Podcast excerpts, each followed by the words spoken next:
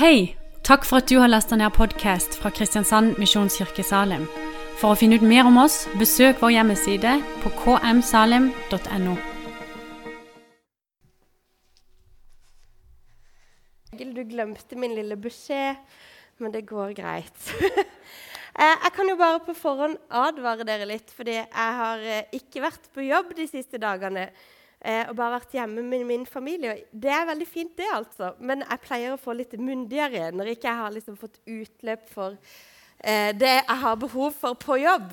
For jeg jobber som lærer, så det pleier ikke å være noe problem. Så jeg bare advarer dere herved. Men eh, hei, og så utrolig fint å se dere. Altså, Det er jo tydelig at vi liker å sitte samla, dere. Sånn, jeg tror ikke jeg står og taler til dere to. men eh, Ikke fordi ikke dere er veldig viktige, men det føles litt unaturlig å se på en måte den tomme rekka der. Eh, men eh, jeg heter altså Helene. Jeg er 31 år, så jeg tror jeg må erklære at jeg er en av traverne her. Vi er heldigvis flere. Så for dere som liksom eh, lurer på Eller jeg husker sjøl hva jeg syntes om de som var 31 år når jeg begynte på kveldsmøtet, så jeg bare tenker vi lar det være med det. Eh, og så er jeg gift. Jeg kan jo anbefale å finne mannen sin her. Eh, men jeg kan ikke anbefale at du kommer her bare for å lete etter en mann eller en eh, kone. Det anbefales altså ikke. Kom her og let etter Jesus, så ser du om du finner noe annet på veien. Eh, og så det pleier å gå litt dårlig hvis fokuset er liksom feil. og så har jeg en nydelig bonusdatter. Hun sitter faktisk på galleriet der oppe. Hun er ti år. Eh, og så har jeg ei, ei lita jente hjemme på ett og et halvt.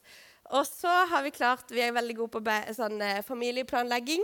Så vi venter altså ei jente til 25.12. Så kan dere jo tenke hva dere syns om det. det sånn skal håpe på, jeg håper på overtid, altså. Eh, det er ikke så veldig mange damer som sier det, som går gravide, men jeg gjør det. Jeg håper på januar. eh, sånn. Ja, og så har jeg jo sagt at jeg jobber som lærer. Jeg jobber på verdens beste skole, og det mener jeg faktisk, eh, som heter Oasen Birkeli. Eh, og det som er kult, da For jeg tenkte på egentlig her Hvis man er liksom kirkefremmed og kommer på et møte Vi ber sykt mye, men det er utrolig godt. Men det må være litt sånn fremmed hvis du ikke er vant til det. Og På jobb hos oss òg er det sånn at hvert møte det begynner med bønn. Ofte hvis det er på en måte Det trenger ikke nødvendigvis være at alle er kristne, men alle på jobb tror. Eh, og så er det så gøy når vi har andre instanser inne, for det er jo ganske mange andre vi skal samarbeide med. Så det er så gøy når de sier sånn møte med foresatte bare sånn, det er bare en sånn god atmosfære på denne skolen. Det er så godt å komme inn i disse gangene. Og så sitter vi, på, vi som jobber sammen, sitter bare og nikker og ser på hverandre. Ja. Vi vet jo hvem det er som gjør det, men eh, det er kult å se at eh, det man kanskje tar for gitt hvis man går i det i hverdagen, hvis du går i menighet, hvis du tror på Gud og har bibelgruppe, har fellesskap, så er det ikke alltid så synlig for oss kanskje hva vi egentlig er bærere av. Men det er så utrolig gøy når du da får noen som er fremmed for det, som kommer inn og bare Wow, her er det noe annerledes. Denne skolen er det spesielt å komme inn på. Så Ja, ydmykhet. Eh,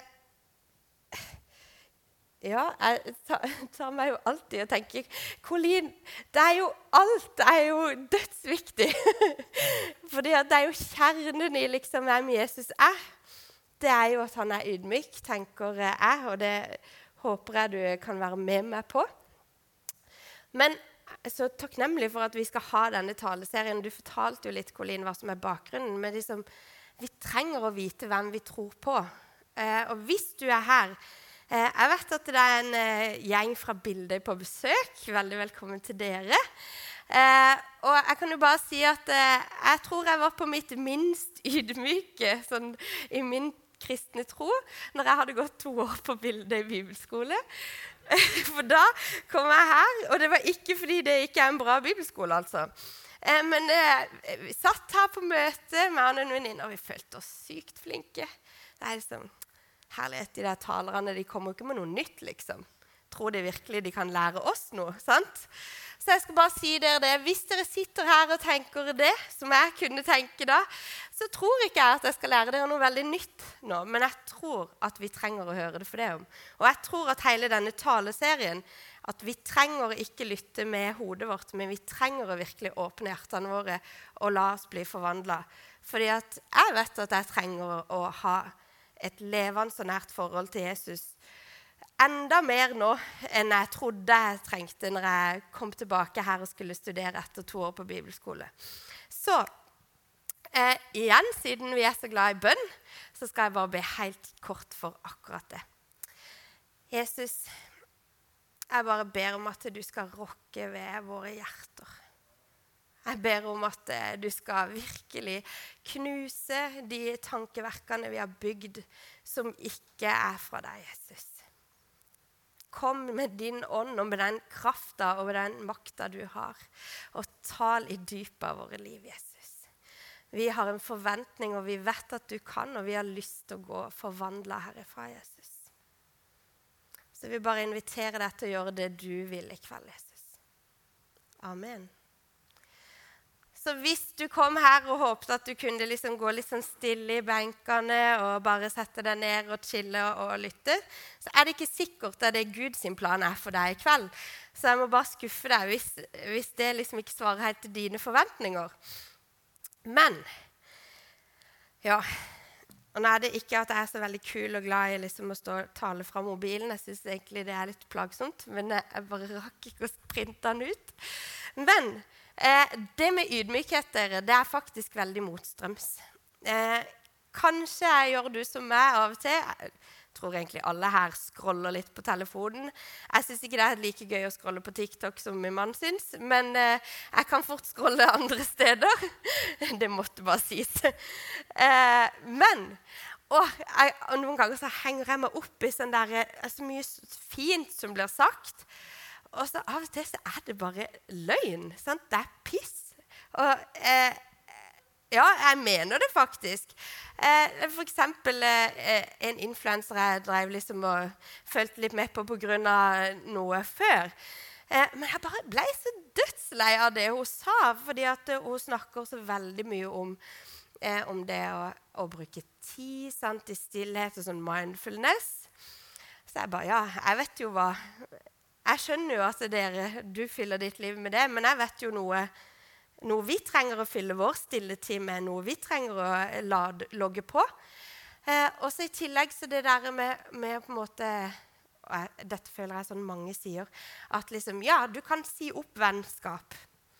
Hvis noen ikke gir deg energi, så bare liksom av, ja, eh, Kutt det vennskapet, for det har du ikke tid til i livet. Og så tenker jeg, ja, Det høres jo utrolig fornuftig ut, og noen kan jo være usunne relasjoner. og sånn, Det er ikke det jeg mener. Men det er bare sånn der, vi skal liksom, Akkurat som at vi skal skape og bygge det perfekte livet som vi ser for oss, fordi at da har vi det så utrolig greit og godt. Og så vet vi som sitter her, at det, at det ikke handler om å bygge livet sitt ut ifra sine egne lengsler, men at vi har noe helt annet som gir livet mening, og som vi må basere livet vårt på først. Og så betyr ikke det at ikke vi kan få i pose og sekk, men vi må velge hvem vi skal basere livet vårt på først. Eh, Store norske leksikon, min gode venn, eller kanskje studenters gode venn, ja, beskriver ordet ydmyk, eh, ydmykhet som beskjedenhet, underdanighet og ærbødighet. Og når jeg liksom prøvde å ha det litt sånn utenfra-perspektiv, så er det tydelig at ydmykhet er ikke veldig kult. Å være ydmyk eh, høres egentlig litt sånn traust ut. Ikke så, veldig, eh, ikke så veldig ut som noe du skal trakte etter. Eh, men skal bare lese noen bibelvers fra, eh, om hva Gud sier om ydmykhet. Eller faktisk eh, ja, både Gud og Jesus. Eh, Kom til meg, alle dere som strever og bærer tunge byrder. Jeg vil gi dere hvile. Ta mitt åk på dere, lær av meg. For jeg er mild og ydmyk av hjerte. Så skal dere finne hvile for deres sjel. Så han er mild og ydmyk av hjerte. Eh, men Moses var en svært ydmyk mann, mer, mer ydmyk enn noe annet menneske på jorda. Å være ydmyk og frykte Herren gir rikdom og ære og liv. Ydmyk dere for Herren, så skal Han opphøye dere. Sånn at ydmykhet, det må vi vite at hvis vi prøver å finne ut hva ydmykhet er Det kan vi egentlig ikke finne ut av hvis ikke vi går til Bibelen, for da finner vi ikke det som Bibelen snakker om. Eh, og egentlig så tror jeg bare jeg kan liksom konkludere med at det å være ydmyk handler om å leve for noe som er større enn deg sjøl. Hvis ikke du tror på Jesus, så er det helt ubeskrivelig å forklare. For da er det ikke rart at ordene 'underdanig', 'undertrykt' kommer opp. Men vi vet at det å leve ydmykt, det er jo det Gud ønsker for oss fordi han vil at vi skal leve med blikket på Han. Så derfor så sier, sier Bibelen bl.a. dette. Dere unge skal underordne dere de eldste, og alle skal dere være kledd i ydmykhet mot hverandre. For Gud står de stolte imot, men de ydmyke gir han nåde. Ydmyk dere da under Guds mektige hånd, så han kan opphøye dere når tiden kommer. Å være ydmyk handler om det motsatte av å være stolt. Stolt i egen kraft. Og jeg har veldig lyst til å være ydmyk da, og være heller stolt over det Gud gjør. Eh, og det som er, det er det at jeg tror mange, mange av oss òg kan tenke at det å være ydmyk ikke er noe å trakte etter. For jeg tror vi veldig fort eh, anser det som en karakter noen som er litt rolige, litt forsiktige, ikke tar så mye plass, kanskje setter seg lavere enn andre. Og det som er greia, er at jeg sa Jesus han var ydmyk. Han forklarer det jo. Sant? 'Kom til meg, alle dere som strever og bærer tunge byrder.' For han og beskriver om seg sjøl at han er ydmyk. Men det betyr ikke at Jesus ikke visste hvem han var. Det betyr ikke at Jesus ikke visste hvilken identitet han hadde. Når Jesus fikk spørsmål om hvem han var, så svarte han på det. Eh, av og til så svarte han i sånne gåter. Han ville jo ikke alltid brette ut om hva hele meninga med hans eh, liksom, ja, Nå kommer bare sånn engelske ord til meg. Det er utrolig plagsomt. Som 'purpose'. hva hans mening med livet var. sant? For Han skulle alltid flette det inn i sånne gåter, men han hadde alltid et svar. Han visste hvem han var, han visste hvem han tilhørte, han visste hvem pappaen hans var, og han kjente han. Det er det dødsviktig at du òg gjør. Det sier også omverdenen vår i dag noe om at eh, du kan egentlig skape og bli den du vil. Og du må finne deg sjøl, men du er allerede funnet. Vi er så utrolig heldige med at vi er funnet, at vi er skapt med en hensikt, og at vi ikke trenger å tro at vi må flakke med blikket og drive i f.eks. ungdomsfasen og leite etter oss sjøl. Vi trenger faktisk bare å leite etter Jesus. Så det er en utrolig viktig side med det der med ydmykhet. Vil ikke si at ikke du vet hvem du er. Det vil ikke si at ikke du er stolt over den du er, eller over hvem du tilhører. Så tror jeg vi kan si, hvis dere er med meg på det, at Jesus var den perfekte definisjonen på ydmykhet. Og hvis vi tenker, så betyr ikke det at Jesus gikk stille i dørene alltid. Det betyr ikke heller at han ikke reiste stemmen sin når han hadde behov for det. Det betyr ikke at han ikke raserte tempelplassen fordi han var så eitrende sinna på det som skjedde der. Men det betyr at han lytta til far. Han gikk ikke i egen kraft, men han hørte etter. Gud, hva er din vilje? Han satte faktisk ikke sin egen vilje først. For han sier òg noe om noen steder at det, det, han vil, det er noe annet. Men han lytter, sier at det ikke som jeg vil, men som du vil. Han ber den bønnen i Getsemane rett før han vet hva som skal skje med han. Så sier han, 'Far, la meg få slippe dette.' Han hadde ikke lyst. I seg sjøl så ville han ikke det. Men så sier han, ber han òg på slutten av bønnen, 'Far, ikke som du vil.' Nei, ikke som jeg vil, men som du vil. Det er å leve ydmykt.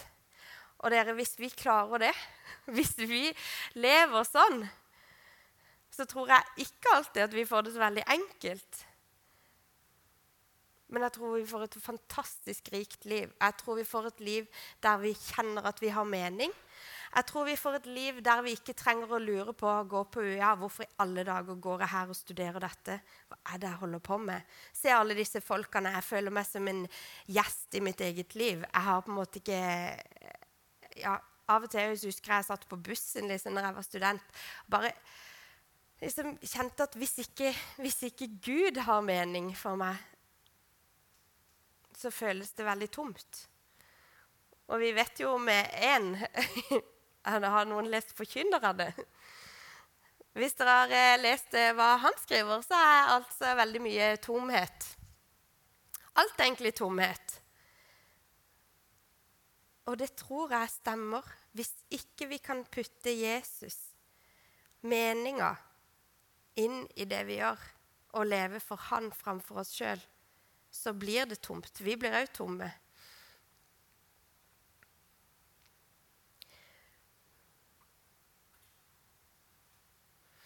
Så Jesus han kom. Han visste hvem han var. Han visste hva han skulle. Han visste akkurat hva som venta han. Og han gikk målretta inn mot det. Og det som er kult, da, det er det at selv om Jesus visste alle disse tingene, så hadde han behov for å bruke masse tid sammen med sin far. Det står så mange ganger i evangeliene at han trakk seg tilbake og var sammen med Gud. Til og med når ting skjer, når det er litt kaotisk, så vet han hva som er viktigst å bruke tida på. Og Jeg vet ikke med deg, men av og til når jeg har det mest hektisk, så er det ikke da jeg liksom bare stopper opp når det koker litt hjemme og det er masse som skal skje. Du, Jan, jeg må faktisk bare gå på rommet og be litt.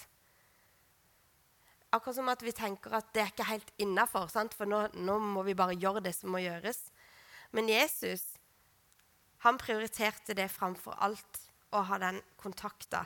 Og han var Gud sjøl. Det er jo helt ubeskrivelig, ubeskrivelig hvis han hadde behov for å trekke seg tilbake og koble seg på og bli minnet på hva er det egentlig jeg er her for, hvem er det jeg tjener, hvem er det jeg tilhører, så har i hvert fall vi det.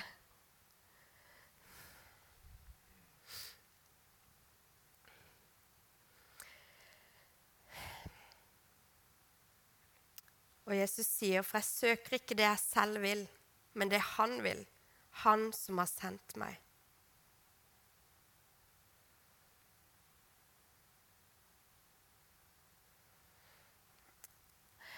Og Jesus var ydmyk nettopp fordi at han valgte hele den frelsesplanen som, som vi kjenner, og som også kommer seinere i eh, høst. Han valgte frivillig å gi avkall på det han hadde. Han valgte å ydmyke seg sjøl for å redde oss. Og Jeg skal bare lese fra Filipperbrevet kapittel 2, akkurat den beskrivelsen om hva Jesus gjør. Han var i Guds skikkelse og så det ikke som et rov å være Gud lik, men ga avkall på sitt eget, tok på seg tjenerskikkelse og blei mennesker lik. Da han sto fram som menneske, fornedra han seg selv og ble lydig til døden. Ja, døden på korset.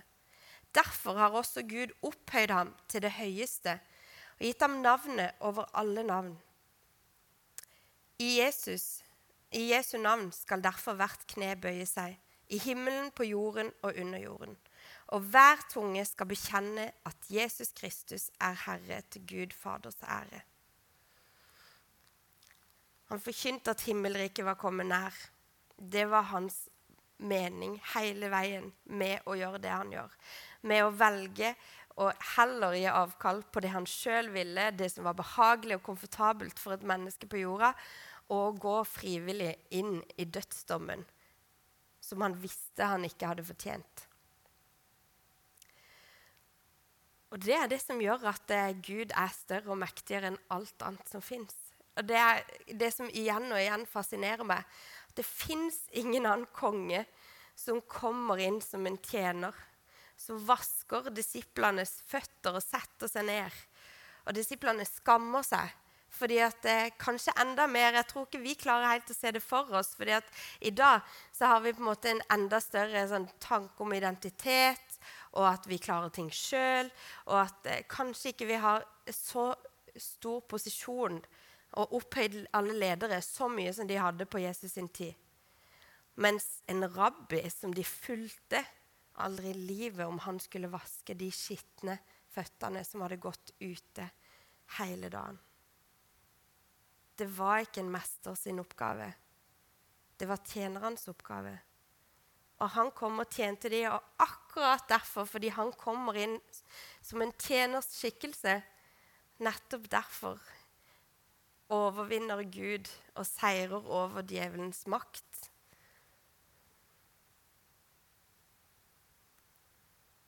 Og det er for stort for oss til å fatte, men det er det ydmykheten til Jesus handler om at han velger å la seg tjene, å, å tjene oss, og at han igjen og igjen tjener oss.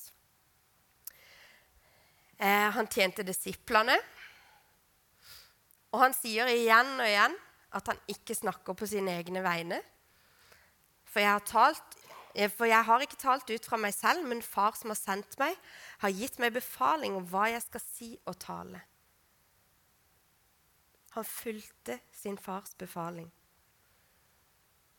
Han legger ned sitt liv for andre. Og han tilga de som gjorde vondt mot ham. Det er jo å leve ydmykt. Vi husker det han sier på korset om at liksom, far tilgi dem, for de vet ikke hva de gjør. Så allerede der i smerten tilgir Jesus. Og han sier raus, Sønnen kan ikke gjøre noe av seg selv, men bare det han ser sin far gjøre. Det far gjør, det gjør også sønnen.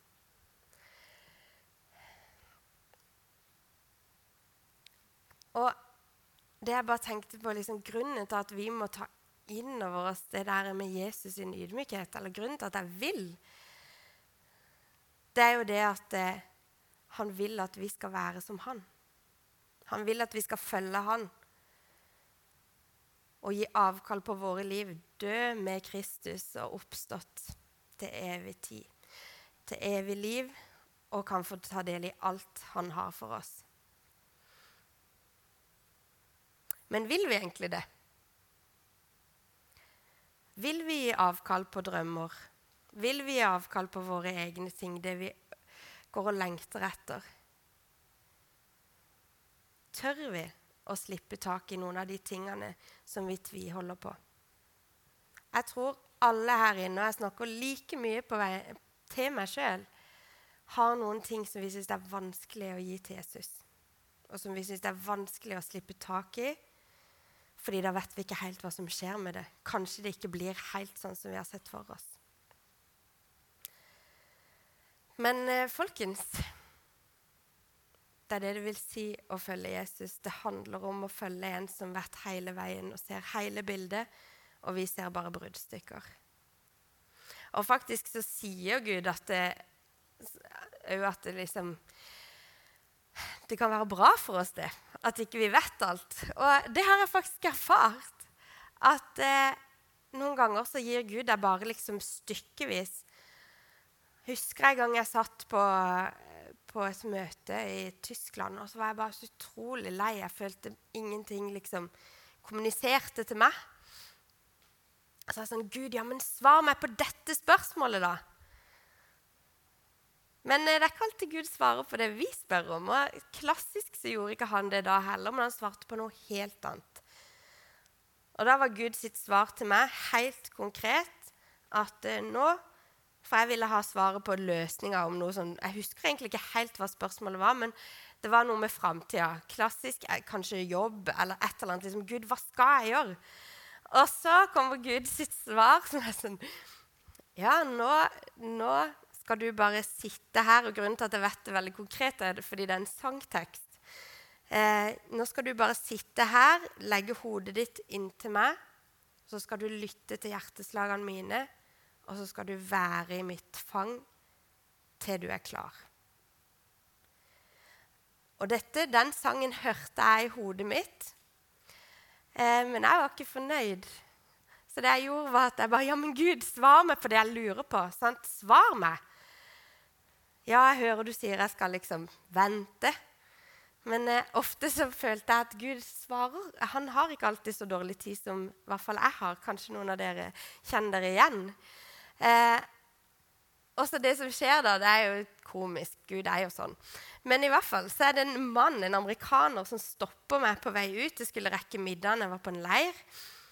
Og så sier han, du, 'Kan jeg bare be litt for deg?' Så, ja, jeg sier jo ikke nei til det. Og så sier han mannen her Han ber først, og så sier han, 'Jeg har fått noen ord til deg.' Og så tenkte jeg sånn, 'Å, Gud, jeg vet'. Og så sier han ordrett den sangteksten som jeg har hørt i mitt hode. Og da, sant, min respons da blir bare sånn OK, Gud, jeg slipper alt. Sant? Du er herre. Jeg vet at jeg prøver å styre deg, men igjen så må jeg gi deg alt. For det er det jeg har sagt jeg vil være med på. Men jeg bare vil si at det betyr ikke at det alltid er lett. Det betyr ikke at det alltid gjør at eh, vi får de svarene vi vil i den tida vi vil. Men jeg fikk svarene etter hvert. Og av og til så har Gud såpass store planer for oss at han vet at vi ikke tåler å vite hele framtida, for da hadde vi kanskje ikke tørt. Fordi at han vet at forberedelsestida her er den aller viktigste, men vi vil ofte vite hva, hva ligger her. sant? Jeg venter på jeg vil reise ut, eller jeg vil gjøre det, eller jeg vil jobbe som det, eller Gud, åssen blir det med det der? Og så er Gud sånn, vent, du, nå skal du bare være med meg. Og så kan det gjøre oss utrolig utålmodige men så er det egentlig det beste stedet å være. Fordi når vi er sammen med Han, så blir vi sakte, men sikkert likere Han. Og det som skjer, det er det at ofte det jeg trodde jeg ville før jeg hadde vært med Gud, det er plutselig helt annerledes. Og plutselig vil jeg jo akkurat det samme som han. Jeg husker jeg hadde til og med en periode jeg var sånn dødslei av å gå i menighet. Jeg hadde bare lyst til å ut og reise eller et eller annet. Og jeg bare Å, Gud, jeg er så lei. Å, kan jeg ikke få lov til å gjøre noe mer? Så har Gud bare sånn Nei, vent. Ikke nå.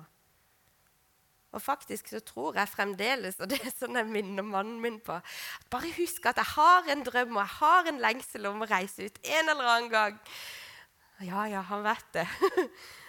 Men jeg vet jo at det er ikke tida nå. Men ofte så gir Gud oss noen drømmer og noen ting som ligger i framtida. Og allikevel så vil ikke det si at det skal skje enda. Så det jeg har tenkt nå, det er rett og slett å utfordre dere til også Jeg skal snart la det være helt stille.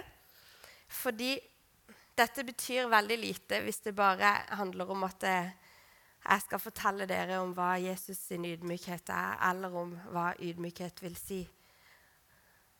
Men jeg tror at det, alle vi som er her, har noen ting vi kan ydmyke oss og gi til Gud i dag. Som vi kanskje har båret på lenge, eller som vi ikke vet at vi har båret på i egen kraft. Men at vi rett og slett skal spørre Gud er det noe som jeg bare skal ta fullt og helt og gi til deg, slippe tak i. Så nå så kommer øyeblikk til å la det være stille. Og så kommer jeg til å be til slutt. Og da kommer jeg òg til å invitere eh, mens lovsangsteamet kan egentlig begynne å komme opp. Eh, og så kommer jeg til å invitere dere òg til å komme fram. Hvis du har lyst til å bare synlig for deg sjøl Det har ikke noe å si for de andre hva du gjør. Hvis du synlig sjøl har lyst til å vise for deg sjøl og Gud at eh, dette her synlig gir jeg til deg nå, så kan du etterpå få lov til å komme fram til scenen men vi bare er litt stille.